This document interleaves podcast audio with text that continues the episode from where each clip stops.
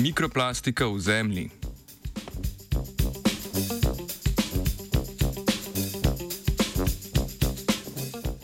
Mikroplastika se v medijih praviloma pojavlja v kontekstu onesnaženja morskih okolij, manj pogosto pa govorimo o onesnaženosti kopnega dela planeta.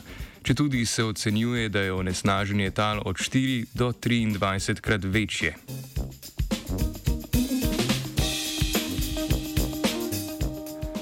Mikroplastika v splošnem označuje delce velikosti enega mikrometra ali manj, ki v okolju nastajajo s fotodegradacijo in oksidativnim razpadom plastičnih mas, kot so polietilen, polipropilen in poliester.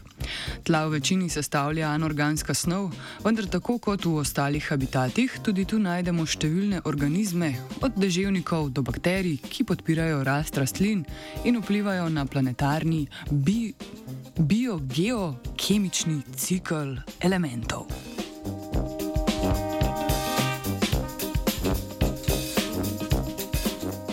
Mednarodna raziskovalna skupina je v poskusu, ki je trajal 42 dni, preverjala vpliv mikroplastike na mikrobiom zemlje, hlapenje plinov in zadrževanje vode.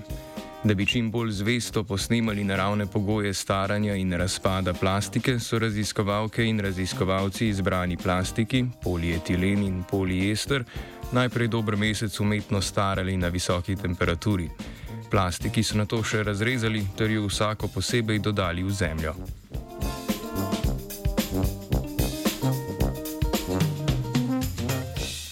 Rezultati eksperimenta so pokazali, da je prisotnost mikroplastičnih delcev po enem mesecu vplivala na sestavo mikrobioma v zemlji. V vzorcih s polietilenom se je povečal delež anaerobnih bakterij, prav tako je raziskovalna skupina izmerila do 8krat večjo količino izpustov CO2. Po drugi strani pa v vzorcih zemlje, ki so vsebovali poliester, pri merjenju plinov niso zaznali sprememb.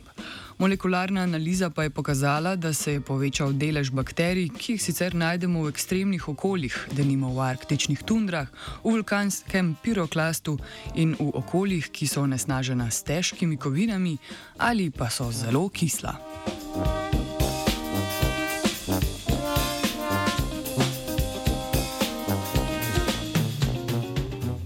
Dolgoročen vpliv mikroplastike v tleh je še dokaj neraziskano področje. Raziskovalci in raziskovalke na podlagi dosedanjih rezultatov sklepajo, da ima lahko onesnaženje tal z mikroplastiko za mikrobiom tal daljnosežne evolucijske posledice. Aktivnost talnih mikroorganizmov je namreč močno upeta v biogeokemično transformacijo elementov, ti procesi pa na planetarni ravni poganjajo in omogočajo življenjske pogoje ekosistemov.